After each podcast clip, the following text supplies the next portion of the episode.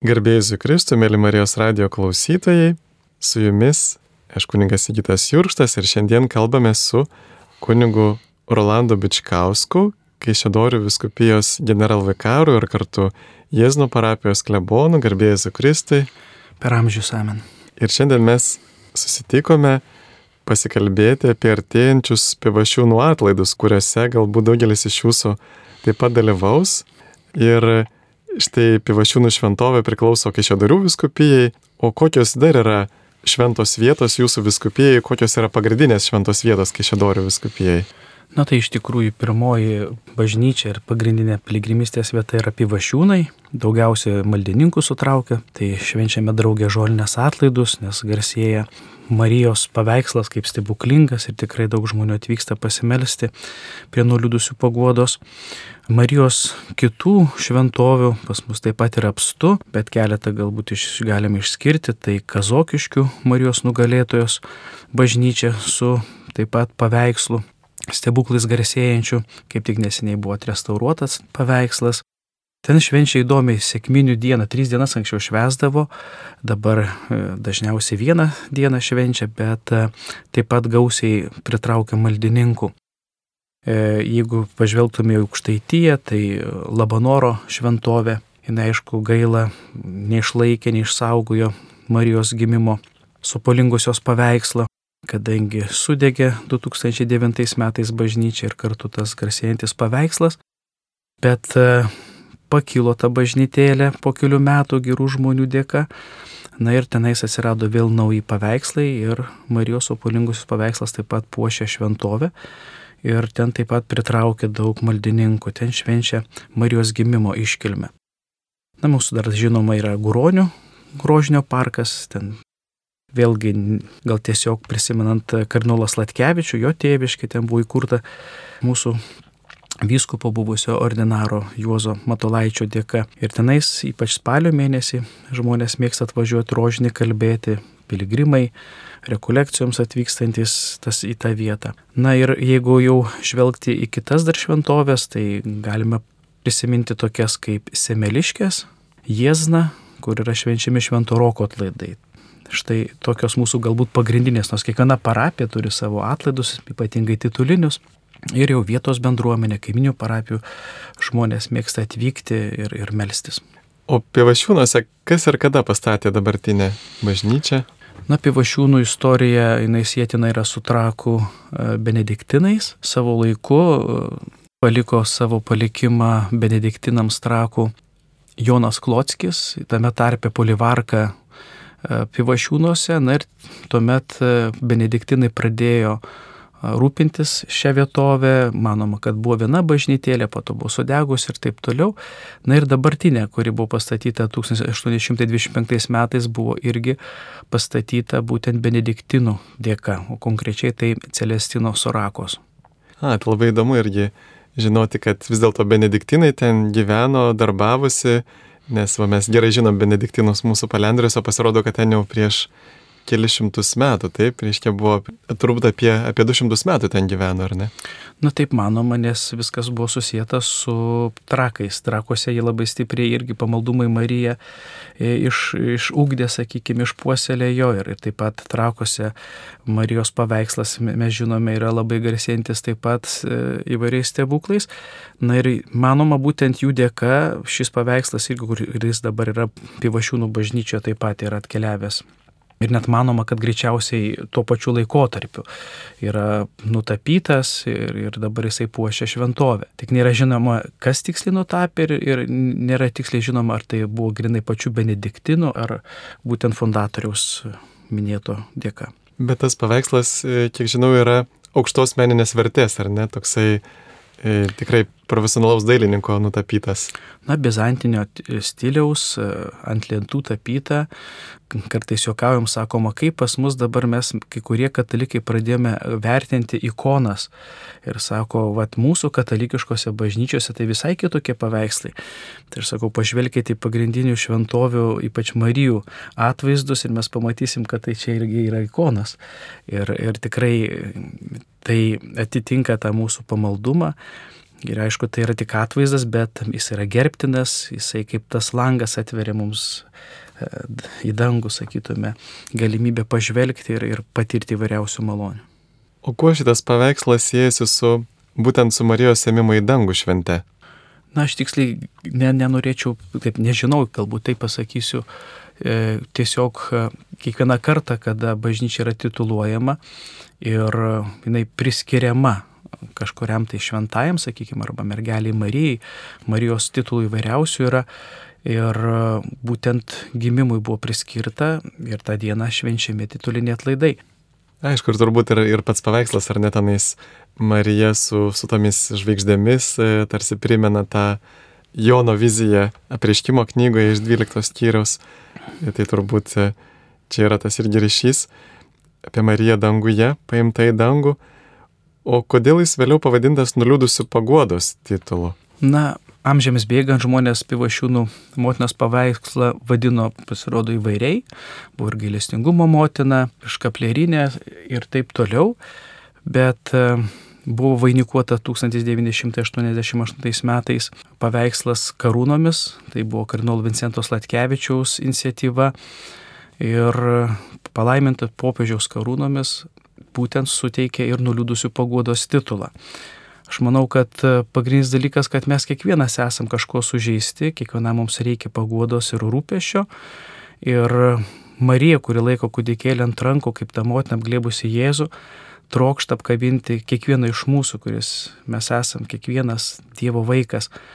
Ir tikrai ypatingai dzūkų krašto žmonės, to krašto ir iš kitur atvykstantis, dažnai atvyksta su ašromis akise, atvyksta su savo problemomis arba savo šeimų problemomis, ypatingai motinos, kurios pergyvena dėl savo vaikų paklydimų, dėl lygų ir jos eina keliais tiesiog e, iki pat paveikslo, verkdamos, melzdamos, tiesiog trokšdamos tos paguodos. Ir tas titulas e, iš tikrųjų mūsų visiems svarbus, nes mes kiekvienas esam kažkuria prasme, jeigu esam atviri, tikrai išgyvenam tos nuliūdimus ir motinos paguoda mums yra labai svarbi. Taip, jinai yra kaip, kaip motina, taip, kuri godžia savo vaikus, kurie pas ją ateina. Tai ir visgi kaip suprasti, kad e, kai kurios paveikslus žmonės laiko stebuklingais, o kai kurios nestebuklingais, ar, ar taip gali būti, kad va, per vieną kažkokį stebuklingą paveikslą Dievas gali duoti daugiau malonių negu per kitą? Na, jeigu žiūrėti taip katalikiškai arba krikščioniškai, mes negalim sureikšminti paveikslo, nes tai tapt galėtų stabu. Mes visi suprantame, ar tai būtų pivašiūnų, ar tenais e, būtų šilovos Marija, tai yra ta pati Marija. Tiesiog toje vietoje, aš taip sakau, kad išmelsta vieta yra ir kada žmonės su giliu tikėjimu meldžiasi, patiria malonių, Aišku, tai tos malonės ateina iš gyvos mūsų motinos Marijos užtarimo. Bet va ta vieta tampa tokia artima ir tie paliudymai, kad štai aš čia patyriau tą malonę, ypatingai kai tos paliudymus dar a, kaip ženklą votą padovanojama, Tai kitus žmonės irgi padrasina, kad štai čia ko gero galima išmelst tos malonės ir atvažiuoja ir tada žmonės su tokiu, sakytume, atviresniu žvilgsniu žvelgia ir su tokiu didesniu tikėjimu prašo ir vėl įvyksta tie stebuklai. Bet tai įvyksta iš žmogaus to santykio su gyva Marija arba su gyvuoju Dievu o ne iš, sakytume, to daikto, kuris atstovauja arba, sakykime, tos nuotraukos, to atvaizdo, kuris, sakytume, tampa, na, tą malonę irgi, per kurią patirim, bet viskas yra nuo vidinio tikėjimo ir to santykio su Dievu. O gal žinote apie liudijimus tų stebuklų, kurie yra įvykę pivašiūnuose, gal iš tikrųjų ten buvo pasveikusių žmonių iš, pavyzdžiui, tam tikrų lygų ar, ar kažkokių kitokių dalykų patyrę Tai iš tikrųjų, kaip ir kiekvienoje šventovė, piligrimų mylimoji ir, ir būtent pivašiūnuose taip pat daug yra votų, kurie ir liudyja žmonių atsivertimus, pagyjimus. Ir iš tikrųjų daug, pavyzdžiui, vieną pamenu asmeniškai, vieno kunigo liudymą, kai jisai gimė, jis buvo labai e, lygotas ir mama žiemą per pusnis nutarė ne tai, kad saugoti kažkur nuo šalčio, bet įviniojusi į anklodę nešė pešiomis per pūgą į pivašiūnus. Nuėjusi tenais apie 30 km, atnešė prie Marijos ir sakė, jeigu išgydysi, jeigu padėsi, kad jisai toliau gyventų, aš jį paukoju tau, Marija, kad jisai po to galėtų tarnauti tau. Jisai pasveiko, tai sakytume, bet štai vienas toks iš tokių man žinomų, bet yra ir kitų, kai žmonės sunkiai serga, su viltimi ateina, prašo ir, ir, ir pagyja. Pavyzdžiui, vienas yra Vilnietis Romualdas Danilevičius, jisai sunkiai sirgo, septynius metus negalėjo vaikščioti, nepadėjo nei vaistai, nei gydimai, bet pasitikėdamas Marijos malonę, kelis kartus apsilankė pivašiūnuose ir prašydamas sveikatos, ją gavo, atgavo, sakytum, ir tapo sveikas. Ir tai yra paliudimai tokie. Gal daugiau, gal tokių istorijų dar yra fiksuota. Tikrai visą laiką įdomu klausytis apie, apie stebuklus, apie vis ypatingus Dievo malonės pasireiškimus mūsų gyvenime. Dažniausiai paskutiniu laikotarpiu, kiek teko girdėti, nors dabar žmonės labai kuklus, nežinau, teko vieną kartą net sakant pamokslą, tą ypatingai pabrėžti pivašiūnuose, e, mes matom daug e, ženklų, bet jos yra, nu, tie ženklai yra ganėtinai ankstesni, labai mažai naujų votų. Tai tas klausimas, ar čia naisi Marija dabar jau nustojo tos galios, ar, ar čia mes nemokame kažkaip tai prašyti, ar nemokam padėkoti. Ir iš tikrųjų šiandieną ten tokių paliudimų tikrai yra nedaug. O priežastis gali būti vairios, manau, kad viena iš to, kad mes arba nelabai tikim, kad galim pasveikti, Antras dalykas, e, kartais mes tuo pačiu metu kreipiamės pas gydytojus, dar nueinam pas kokį burėją, kad užkalbėtų kokį sviestą, dar Marijos paprašom ir paskui, kai pasveikstom, nežinom, kam dėkoti, ar tam sviestui, ar gydytojui, ar Marijai. Ir tada na, nepaliūdėm to tikro pasveikimo. Bet yra žmonių, kurie daugiau, sakyčiau, kurie patiria malonės, bet tiesiog, na, iš savo kuklumo, arba ką čia girsės, kad tu čia taip patyrė tą malonę, ar ne? E, tai, kas man atrodo svarbu mums, vadvasininkams, tai dažnai minėti žmonėms, jeigu jūs tik patyrėte, nebijokite tai paliūdėti, nes tai yra svarbu ne tik, kad jums, kad turit padėkoti, ar ne, bet ir kitiems, kad va, drąsos ateikit, pažiūrėkit, aš pasveikau ir tie pasveikimai vairūs. Dažniausiai, aišku, pastaruoju metu tai atsivertimai, nes širdelės tą ir, ir liudyja, kai žmonės prašo savo atsivertimo malonės arba už savo brangų kokį nors asmenį ir kaip džiaugiasi, kada žmogus, pavyzdžiui, pakyla iš nuodėmės, pakyla iš priklausomybės, sugrįžta į šeimą ir taip toliau. Ir, ir tokie vat girdi tos tokius žmonių pabrėžimus arba kodėl važiuojate į atladus, kaip paklausė. Na, sako, mes ten atvažiuojam iš tikrųjų gaunam paguodą arba išklausė mūsų maldas. O toliau, kokios tos buvo maldos, ką išklausė ir, ir kuo tai pasireiškia, kaip tai mūsų šiuo metu yra ženkliai mažiau žinoma. Ačiū, tikrai įdomu. Ir, ir kas vis dėlto yra tie atlaidai. Ir jeigu kalbant apie ne tik apie atlaidus kaip šventę, bet ir atlaidus kaip na tos laikinosios bausmės atleidimą, tai atrodytų, liktai labai lengva gauti tos atlaidus ir mes kažkaip jų nelabai ir bevertinam kartais. Na taip, mes kažkaip bendraja prasme nežiūrim per daug į tolį, mes planuojam rydieną, o kas bus poryt nelabai. Ir tas mūsų požiūris į amžinybę, jisai toks irgi yra ganėtinai netviras. Mes mažai žiūrime į ateitį, mes neinvestuojame į amžinybę. Jeigu žiūrėtume, sakytume, va, tai net ir geruosius darbus, daryk gerus darbus, krauni lobį danguje. Tai kita priežastis, mes esame nuodėmingi ir ką daryti su tą nuodėmė, tarp tuo tarpumu mūsų. Tai jeigu vėl žiūrėtume šiandieną, kad taip pirmoji eiliai šiandien man kenkia nuodėmė, šiandien esu sužeidžiama, šiandien kraujuoja mano širdis, tai iš kitos pusės tai irgi aš kraunu kažką į ateitį, į amžinybę. Tai kada mums sakoma, kad vat, viešpats mus myli, atleido nuodėmės tik išpažink per išpažinti, tai mes dar dalis žmonių tą praktikuoja, dėkoja Dievui už tą malonę, už tą gailestingumą. Bet kai kurie, na, sako, kas čia tokio, ką aš čia blogo padariau, na, jeigu visi kiti būna tokie kaip aš, aš čia nieko nenužudžiau ir gyvena nuodėmė nesusimastydami, tai yra pirmoji kenkdami šiandieniniam gyvenimui, jo kokybei Bet jeigu vėl žvilgti į perspektyvą, tai šiandien taip sakom bažnyčia, kad e, kada mes padarom nu, nuodėmę ir atliekam išpažinti, tai mums yra nuodėmė atleidžiama.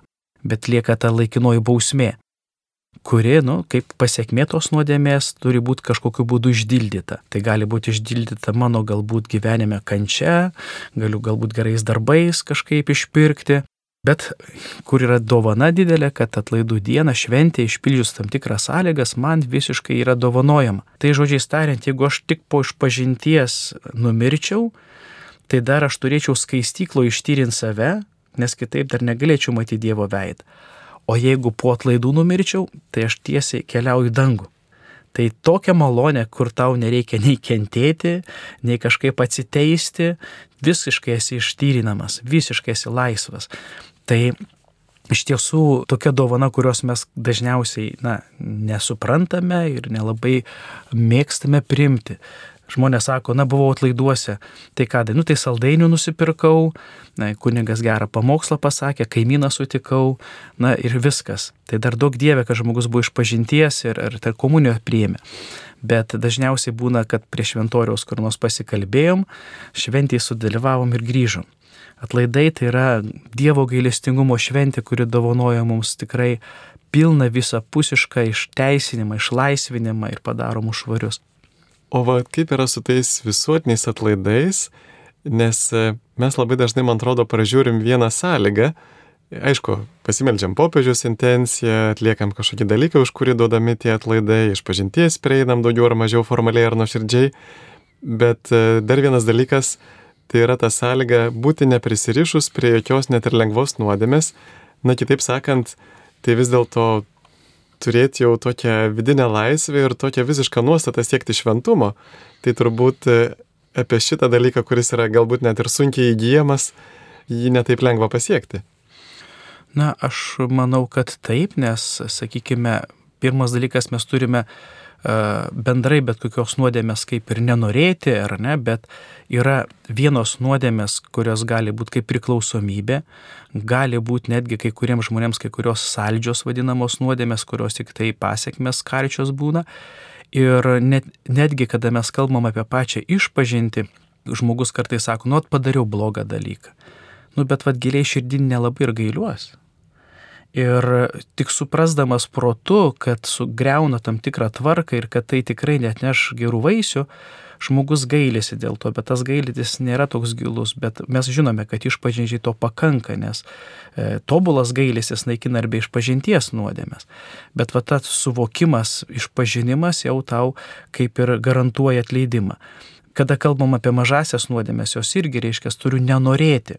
Kitas dalykas, kaip man pasiseka su jom kovoti, juk mes esam silpni ir niekada netapsim tobuli, nes jeigu būtų užtekę tik tai mūsų pastangų apsisprendimo, tai ko gero užtektų mums tik krikšto ir mes galėtume gyventi e, šventųjų gyvenimą. Bet e, ne veltui viešpats įsteigė susitaikymo sakramentą kaip galimybę visuomet grįžti pas mylinti tėvą. Bet va tas požiūris, kad aš turiu nenorėti nusidėti. Aš nenoriu, nenoriu. Taip, galbūt aš suklystu, ar ten kokią įdą turiu, reiškia, bet aš turiu nenorėti skaudinti nei Dievo, nei kito žmogaus, nei savęs. Ir va, kada aš jau pasiryštų gyventi, kaip Dievas duos, kad tik tai vėl nesugrįšiu prie nuodėmės, tai tada, manau, pakankama sąlyga, kad mes galėtume pelnyti atlaidus.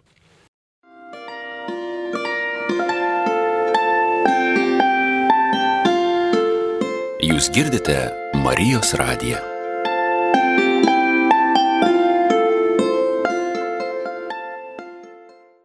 Gerbimi Marijos radijo klausytojai, jūs girdite laidą apie pivašiūnų atlaidus.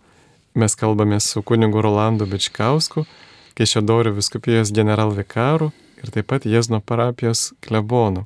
Prie mikrofono aš kuningas Sigitas Jurkštas ir šiandien toliau kalbamės apie jau visai priartėjusius pivašiūnų atlaidus. Ar tie atlaidai vyksta tik tai per žolinę, per Marijos ėmimą į dangų šventę ar dažniau? Pivašiūnuose žolinės atlaidus švenčiam 8 dienas, jau 14 dienos išvakarėse pradedam ir iki 22 rūpjūčio, bet taip pat ir kiekvieno mėnesio 15 dieną tuomet vadinam mažieji žolinės atlaidai ir visuomet e, dažniausiai pats vyskupas, e, ordinaras ir emeritas mėgsta labai atvažiuoti į pivašiūnus, taip pat būna svečiai, patarnauja vis kitas dekanatas iš kunigų ir kiekvieną mėnesio 15 dieną pivašiūnuose švenčiam atlaidus. O kad žmonės irgi geriau įsivaizduotų, galbūt kai kurie net nėra dar buvę pivašiūnuose, tai pivašiūnai yra maždaug kurio Lietuvos vietoje prie kokio didžiausio šalia esančio miestelio ar miesto. E, Alitaus rajonas, netoli Alitus, e, kaiminystėje yra ir, ir Daugų parapija, ir Dusmenų maža parapijėlė, bet e, jeigu bus orientyras Alitus, tai manau tikrai visi ras pivašiūnus. Taip. O nuo kada Lietuvos istorijoje vyksta va tos piligrimystės į Pivašiūnus, atrodo, kad jau tai turi gana turtingą istoriją. Ir atlaidai, ar, ar tos piligrimystės ir atlaidai visuomet vykdavo per žolinę, ar, ar ir kitų laikų? Na, tiksliai vėl nėra žinoma, kada prasidėjo piligrimystės, bet žinoma viena, kad kada jau trakose buvo benediktinai, tai jau į trakus, net ir iš pivašiūnų minima, kad atvykdavo piligrimai melstis e, prie Marijos stebuklais garsėjančio paveikslo, vėliau, kuomet įsikūrė pivašiūnuose ir, ir pradėjo jau paveikslas pivašiūnų Dievo motinos traukti piligrimus, tai irgi keliaudavo žmonės su, su, su arkliais važiuodavo pėsčiomis, tai manoma irgi jau ganėtinai senai. Ir kol carinė Rusija neuždarinėjo vienuolyjų, tai buvo toksai, sakytume, pačių vienuolių iniciatyva, kvietimas, o kai uždarė vienuolyjas, tas sumažėjo, bet labiausiai galbūt nukentėjo sovietiniais metais, nes tuomet buvo draudžiama tiesiog, nors ir tai ganėtinai daug žmonių vykdavo į pivašiūnus. O atrodo, kad nepriklausomybės pradžioje buvo dar tokia labai originali tradicija, vaikai, lydimi suaugusi, nu ir jaunimas, keliaudavo pėsčiomis net nuo Kešėdorių katedros, ten kažkur apie 80 km. Ar tai tebe vyksta iki šiol? Ne, tai buvo ieškojimas, sakytume, naujos formos, kaip jaunimą pat kviesti, kaip jaunimui su, nu, sudominti. Žygiai jaunam žmogui visuomet patikdavo ir, ir jaunimo centras Kaišėdorių viskupijos bandė organizuoti pradžioje iš Kaišėdorių katedros žygį, po to kažkaip po keltą metų jisai prigeso, išsisėmė, e, tada buvo vėliau vėlnai, vėl atnaujinta, bet buvo kitas formatas pasirinktas, daug metų tarnavo jaunimui būtent e, varkalių stovyklavietę, tenais apsistodavo pradžioje trims dienoms jaunimas, būdavo kaip tik su jais kalbamasi, buvo įvairūs lektoriai kviečiami, kurie kalbėdavo, kas yra piligrimystė, kas yra malda, buvo mokomosi giesmių, kiekvieną dieną mišio, švenčiausio sakramento adoracija. Ir vat per tas tris dienas jauni žmonės, kurie susirinkdavo, jie pažindavo vienas kitą, išmokdavo bendros maldos ir jau kai prasidėdavo piligrimystė, tai visi kaip vienas ir giesmės traukdavo, ir rožinį kalbėdavo kalbėdavo ir būdavo labai smagu. Tris dienas vykdavo kelionė, e, truputėlį neties pačių pagrindinių kelių per aplinkui, e, į aukštadvarį, po to onuškį ir tuomet atkeliaudavo su dviem nakvynėm. Tai jaunimui buvo labai tokia gera patirtis. E, dabar šiek tiek ir šita praktika jau yra išsisėmusi, jau varkalių mūsų stovyklavietė jau yra užsidariusi, tai nelabai atitiko visų hygienos reikalavimų ir dabar vyksta kitoje vietoje stovyklos, e, tiesa jaunimui pačiose pivašiūnuose, dabar va kaip tik nuo rytojus prasideda penkių dienų jaunimo stovykla, užsiregistravo 45 ir tenais e, jie praleis iki 15 dienos. Pradžioje jie turės savo programą ir maldos akimirkas ir jau kai bus 15 diena pagrindinė, tai patarnaus piligrimams. Ir prisimenu vieną kartą mums irgi teko keliauti va į tokį ilgesnį žygį kelių dienų ir prisimenu labai tokius šiltus atsiminimus, kada žmonės e, aplinkui, na, to, tose vietovėse esančiose parapijose priimdavo su karitu, su agurkai, su medami, iš tikrųjų buvo labai tokia e, svetinga patirtis prieimimo, iš tikrųjų. Tai kartais labai įdomus ir toks būdas kelionių, kada gali kelias dienas keliauti su tam tikra grupe ir, Ar šiemet bus kažkokių tai žygių atlaidų programoje? Tai nebent bus e, tokie trumpi žygiai, nesusijęti tokių ilgų, sakim, kelių dienų. Tiesiog, e, jeigu jau kalbant trumpai dar grįžtant prie mūsų viskupijos jaunimo programų, tai e, kelinti metai mes naują programą būtent organizuojam jaunimo žygį, tai yra iš Guronių į Kaišėdorių katedrą. Tai čia būna skirtas daugiau sutvirtinamiesiems, kvieta, kviečiant dalyvautojų programų, susitinkant su mūsų vyskupu, kuris jau vėliau vasarą atvažiuos ir suteiks sutvirtinimą. Tai gan irgi neblogai pasisekė, bet ten netoks ilgas, 8 gal kilometrų kelias ir jauni žmonės pradeda Guronys ir ateina į katedrą, sutinka su viskupu, dalyvauja šventose mišiuose. O čia pivašiūnuose tai aišku, ko gero privačių iniciatyvų gali būti, dažnai iš Alitaus ateina jaunimas, jie jau patys organizuojasi, jų parapijos ir čia tik tai, kad ateina ir įsijungia maldą. Pat sakytume, rūpiučio 14 dieną išvakarėse kaip tik ir yra jaunimo vakaras, atlaidų atidarimas, viskupas aukos mišes už jaunus žmonės. Taip pat būna jau tokia graži tradicija eilę metų, kad e, Eucharistinė procesija būtent jaunimui yra pavesta ir jie pasiskirsto ir surepetuoja ir su vėliavom aplink bažnyčią eina po mišių.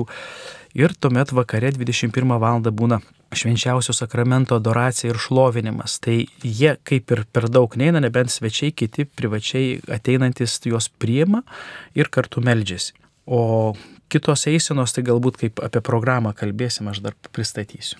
Taip, galėtumėt gal jau ir pradėjot dar daugiau papasakot, kas piligrimų laukia šiais metais šiuose atlaiduose. Tai aišku, pagrindinė diena yra rūpiučio 15 žolinės Marijos į dangų įmimo ir šiais metais ypatingas dėmesys skiriamas palaimtam Tefiliu Matulionį. Šią dieną dėkosime Dievui už jo kaip vyskupo ir kankinio gyvenimą ir tarnystę, nes minim jo gimimo 150-asias metinės ir esam pakvietę vyskupą Arūną Poniškaitį, kuris vadovaus liturgijai ir, ir sakys pamokslą.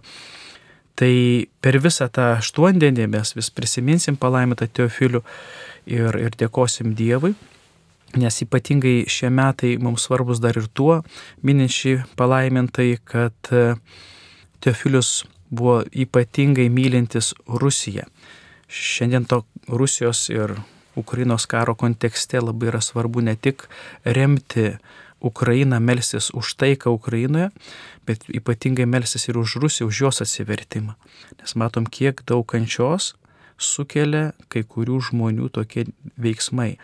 Ir žinant, kad Teofilius visų pirma buvo išventytas vyskupų Rusijai ir kai buvo iškeistas su kaliniais atvyko į Lietuvą, jis labai troško grįžti, jisai rinko kunigus, kurie norėtų važiuoti į misijas į Rusiją, rinko aukas, buvo surinkęs ir, ir taurės, kielikus, mišiolus, norėjo vežtis kartu, kad ten galėtų tarnauti krikščionėms, katalikams būtent Rusijoje, bet e, taip susidėliojo, kad popiežius į 1943 metais visgi paskyrė Kaišėdurių vyskupų. Bet ypatinga, sako, širdis mano yra tenais. Ir jisai pamėlęs šventą Teresę kūdikėlio Jėzaus, netgi platino maldą už Rusiją. Ir aš manau, kad mums taip pat turi būti svarbu ne kad kažką pasmerkti, bet melstis, kad e, Rusija atsiverstų.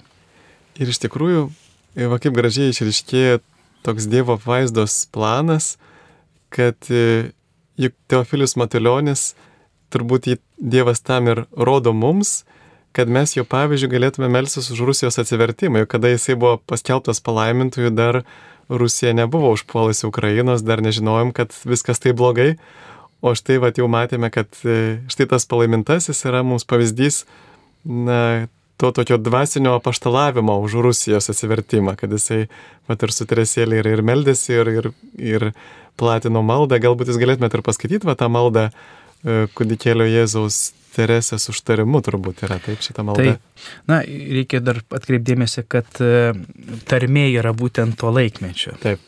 Taigi malda už Rusiją iš Šventą Teresę kūdikėlio Jėzaus.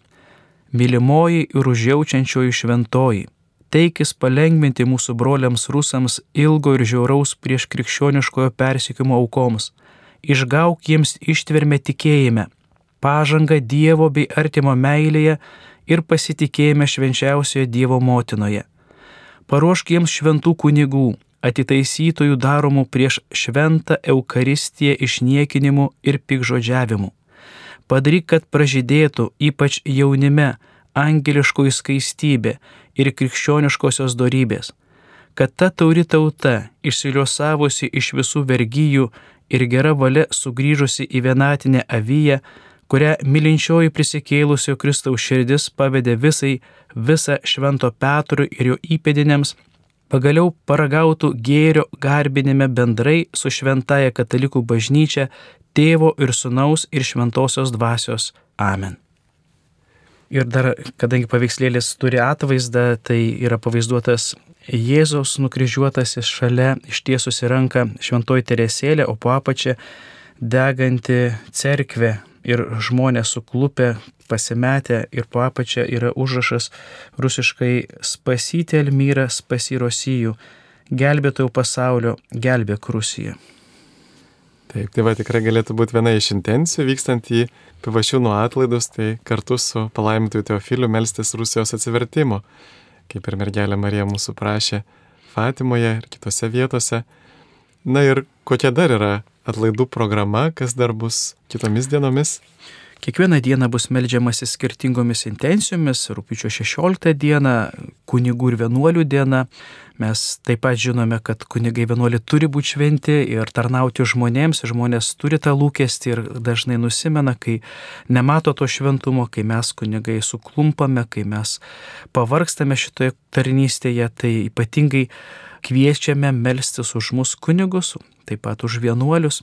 Iš vienos pusės dėkojant Dievui, kad dar turime kunigų ir vienuolių, bet stygius yra gerų kunigų, gerų vienuolių ir taip pat pašaukimai labai yra sumažėję. Tai trokštant, kad būtų pagal Jėzaus širdį geriai ganytojai, turim kviesti, kad viešpas pažadintų jaunų žmonių širdise šį pašaukimą ir kad jie atsilieptų ir kad tikrai mes turėtume pakankamai gerų šventų kunigų ir vienuolių. Taigi rūpiučio 16 dieną kviečiame maldininkus melstis už mūsų dvasininkus. Toliau rūpiučio 17 diena yra karitas diena, tai visiems, kurie tarnauja kitiems žmonėms ar priklauso karitui ar tiesiog pagal tą meilę, tiesiog ištiesia pagalbos ranką, tai visi jūs kviečiame šios žmonės rinktis kartu, melstis už geradarius, už tai, kad tikrai pas mus užtektų širdyje meilės, matyti kitam žmogui problemą ir padėti.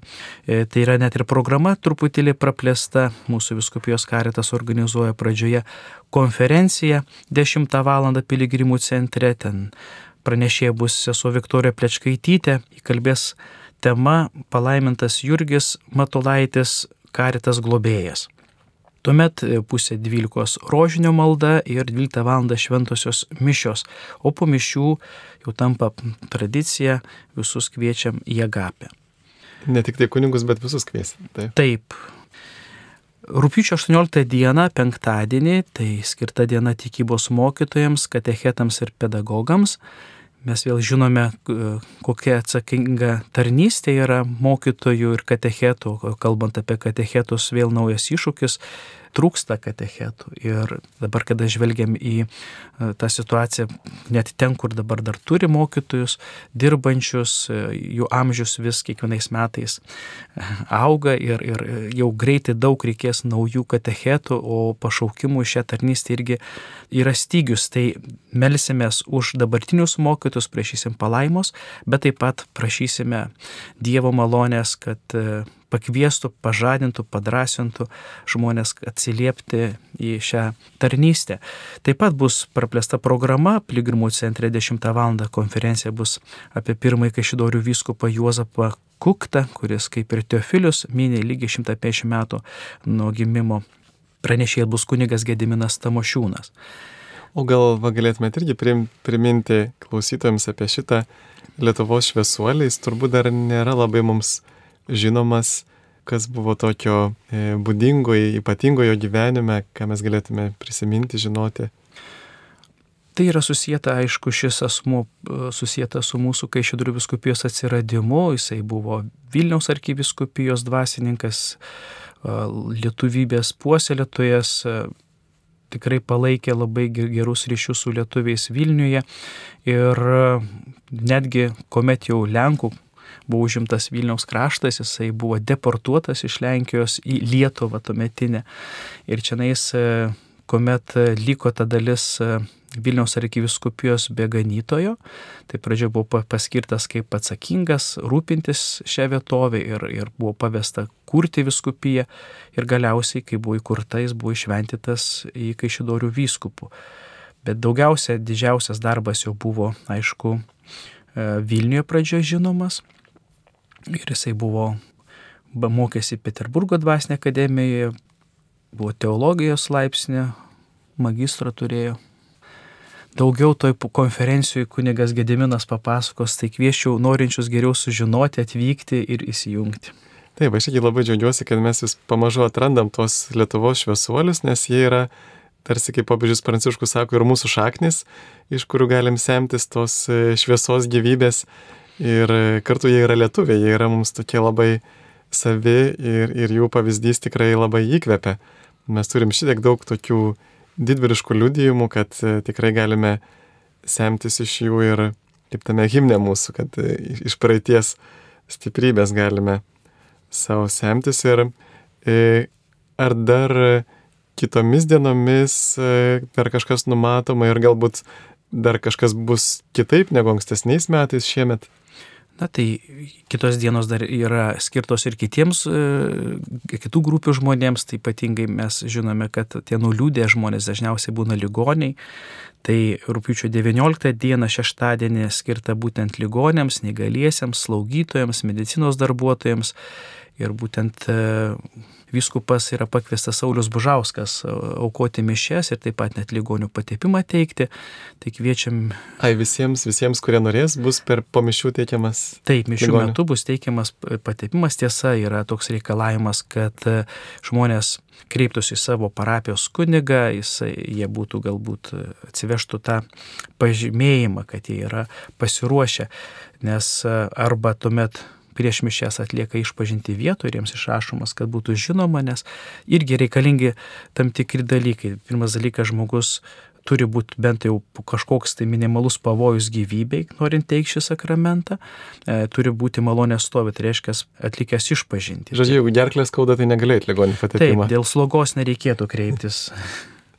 Bet tai gali būti rimta lyga, tai gali būti prieš rimtą operaciją, tai gali būti amžius, kada irgi jau garbaus amžiaus žmogus ir, ir, ir tu nesi tikras dėl rytojus, nors kiekvienas mes nesame garantuoti, ar ne, bet jau kai kyla tam tikras pavojus, turime teisę kreiptis prašyti ligonio patepimo, kuris mūsų stiprintų. Ir sekmadienis šeimų diena, tai vėlgi šeimoms didesnis dėmesys skiriamas šiais metais. Šeimų dienoje kviečiame ypatingai šeimas su vaikais, nes yra sekmadienis, tikrai nedarbo diena, pradžioje rinktis pusę 11 prie švenčiausio sakramento koplyčios, ten bus įvadas ir po to eisena į bažnyčią, kur kartu bus melžiamas į rožinio maldą pusę 12 ir bus aukojamos 12 val. šventosios mišios, būtent už šeimas, už santarvę, už meilę. Mes žinom, kiek daug žmonių šiandieną išgyvena krizės šeimose. Iš vienos pusės paklausiu žmogaus, kas didžiausia yra vertybė, dažnai atsakys šeima. Bet atrodytų žmonės iš meilės tuokėsi, matom taip pat kiek daug nesutarimų, kiek daug nesusikalbėjimų, neįsiklausimų, sutoktiniai tarpusavyje, tarp tėvų ir vaikų, kokie yra santykiai. Ir šiandieną, jeigu mes, e, pavyzdžiui, kunigai aukom šventasias mišes, dažniausiai žmonės teina prisimena tik tuos, kurių nėra mūsų tarpe, melskime ten už tėvelius, už brolius, sesės, gal net ir su tuktinius, bet mažai žmonės prašo maldos už šeimas, už santarvę, meilės. Tai tikrai ta diena skirta tam, kad pabūt pasidžiaugti vieni kitais šeimomis, bet svarbiausia pasimels už savo šeimą, už savo artimuosius. Po mišių laukia gapė šeimoms, taip pat dar bus programoje pralaidumo džiaugsmui pratybos. Dar norintys galės dalyvauti ekskursijų po Pivašiūnų šventovę ir Pivašiūnų kaimą. Sekmanis toks biški platesnis, tai kviečiam į Pivašiūnus visus su vaikais, su šeimomis būti, melstis, džiaugtis, dalintis. Pirmadienis, rūpiučio 21 diena, šiais metais naujovė tai, kad viskupas Jonas įvedė kaip Dievo gailestingumo dieną. Vėlgi žvelgiant į įvykius Europoje, mūsų aplinkoje mes matom, kad ypatingai turime melsti Dievo gailestingumo mums žmonėms, nes, na, kai sakoma, kas įta pjauni, pas mus pakanka nuodėmės, pakanka blogio aplinkoje ir mumise ir atvykstame į atlaidus visų pirma melsis už save, bet ypatingai turime melsti pasauliui Dievo gailestingumo ir, ir Rusijai, ir Ukrainai, ir visiems. Tai rūpčių 21 dieną e, būtent tą ir prašysime tai ir darysime. Na ir paskutinę dieną atlaidų, rūpiučio 22, kalendoriuje yra Marijos karalienės liturginis minėjimas. Mūsų šitoje šventėje skirta gyvo rožinių ir kitų maldos grupių dienai paminėti, kviečiam visas maldos grupės. Ir nuo seno jau tapo tokia tradicija, kad stipresni žmonės, kurie norėtų dalyvauti eisenoje tame žygėje piligriminėme, tai 11 val. 2 km neprivažiavus nuo Alitaus vykstant iki Pivašiūnų, ten yra pakeliai kryžius, nuo to kryžiaus prasideda eisena su rožinio malda. Jei kas vyktų, tai kviečiam, jei kas turite kažkokius skiriamosius ženklus, ar tai vėliavas, ar, ar skareles atskirai grupės, pavyzdžiui, ypatingai gyvo rožinio maldos grupės yra kiekviena parapija pasisiūbė tenais ar kokius e, kitus skiriamus ženklus, tai pasiimt, kad matytųsi, iš kur esat ir eit. Nu, tie žmonės, kurie yra vyresni, kuriems sunkiau keliauti, tai aišku, bus laukiami pačioje šventovėje, ten pusė dvylikos rožinio malda. Na ir kai ateis visi į bažnyčią, 12 val. mišios, vadovaus viskupas Algerdas Jurevičius ir po mišių vėl tampa tradicija agapė. Šiaip, jeigu dar keliais sakiniais, tai kiekvieną dieną šventosios mišios aukojamos 10, 12 ir 6 vakare pamaldos, rožinio malda pusę valandos prieš mišes, tai yra pusė dešimtos, pusė dvylikos ir vakare pusė šešių. Kunigai lauks piligrimų klausyklose nuo pusė dešimtos ryto po pietų toks tarpas galbūt šiek tiek bus, bet vakarop nuo pusės šešių vėl. Taigi visi, kurie atvyks, norės susitaikyti, bus sudarytos sąlygos, kad tikrai gautumėte atleidimą ir galėtumėte išpildyti atlaidams būdingas sąlygas. Na ir jau keletą metų mes turime įrengtą naujai adoracijai skirtą švenčiausio sakramento koplyčią ir tenais nuo ryto iki vakaro pusė aštuonių yra įstatytas viešpats pagarbinimui ir tikrai norintis ar anksčiau atvykę gali užėjti pabūti, nurimti, ramiai pasimelsti tyloje arba vėliau jau po mišių užeiti, tai irgi kviečiame aplankyti ir tikrai pabūti toje oazijai. Jis yra pačioje bažnyčiai. Ne, pačioje yra kryžiaus anksčiau vadinosi koplyčia, dabar mes pavadinam švenčiausio sakramento, einant link piligrimų centro. Centriniai laiptai, kurie e, nusileidus tiesiai yra koplytėlė, tenais ženklas yra ir tikrai galima užėjus pabūti, pasimelsti. Tai ką, ačiū Jums labai tikrai sudominote, jau ir aš noriu nuvažiuoti ir sudalyvauti. Tai tikiuosi, kad susitiksime per pivašiūnų atlaidus ir ko pabaigai norėtumėt palinkėti būsimiem piligrimam? Na, visų pirma, kviečiam atvykti. Vykstant atvykite atvira širdimi, su pasitikėjimu, kad nuliūdusių pagoda mūsų motina tikrai laukia mūsų. Jis trokšta kiekvieną apkabinti, jis trokšta kiekvieną paguosti, jis trokšta už kiekvieną pasimels mūsų užtarti pas savo sūnų ir tikrai nebūsim nuvilti. Svarbiausia, su tikėjimu, nuoširdumu, atvira širdimi atvykit. Ačiū. Čia buvo kuningas Rolandas Bičkauskas, Kešėdorių viskupijos generalvikaras, Jėzno parapijos klebonas ir aš kuningas Sigitas Jurkštas. Iki susitikimų atlaiduose. Sudė.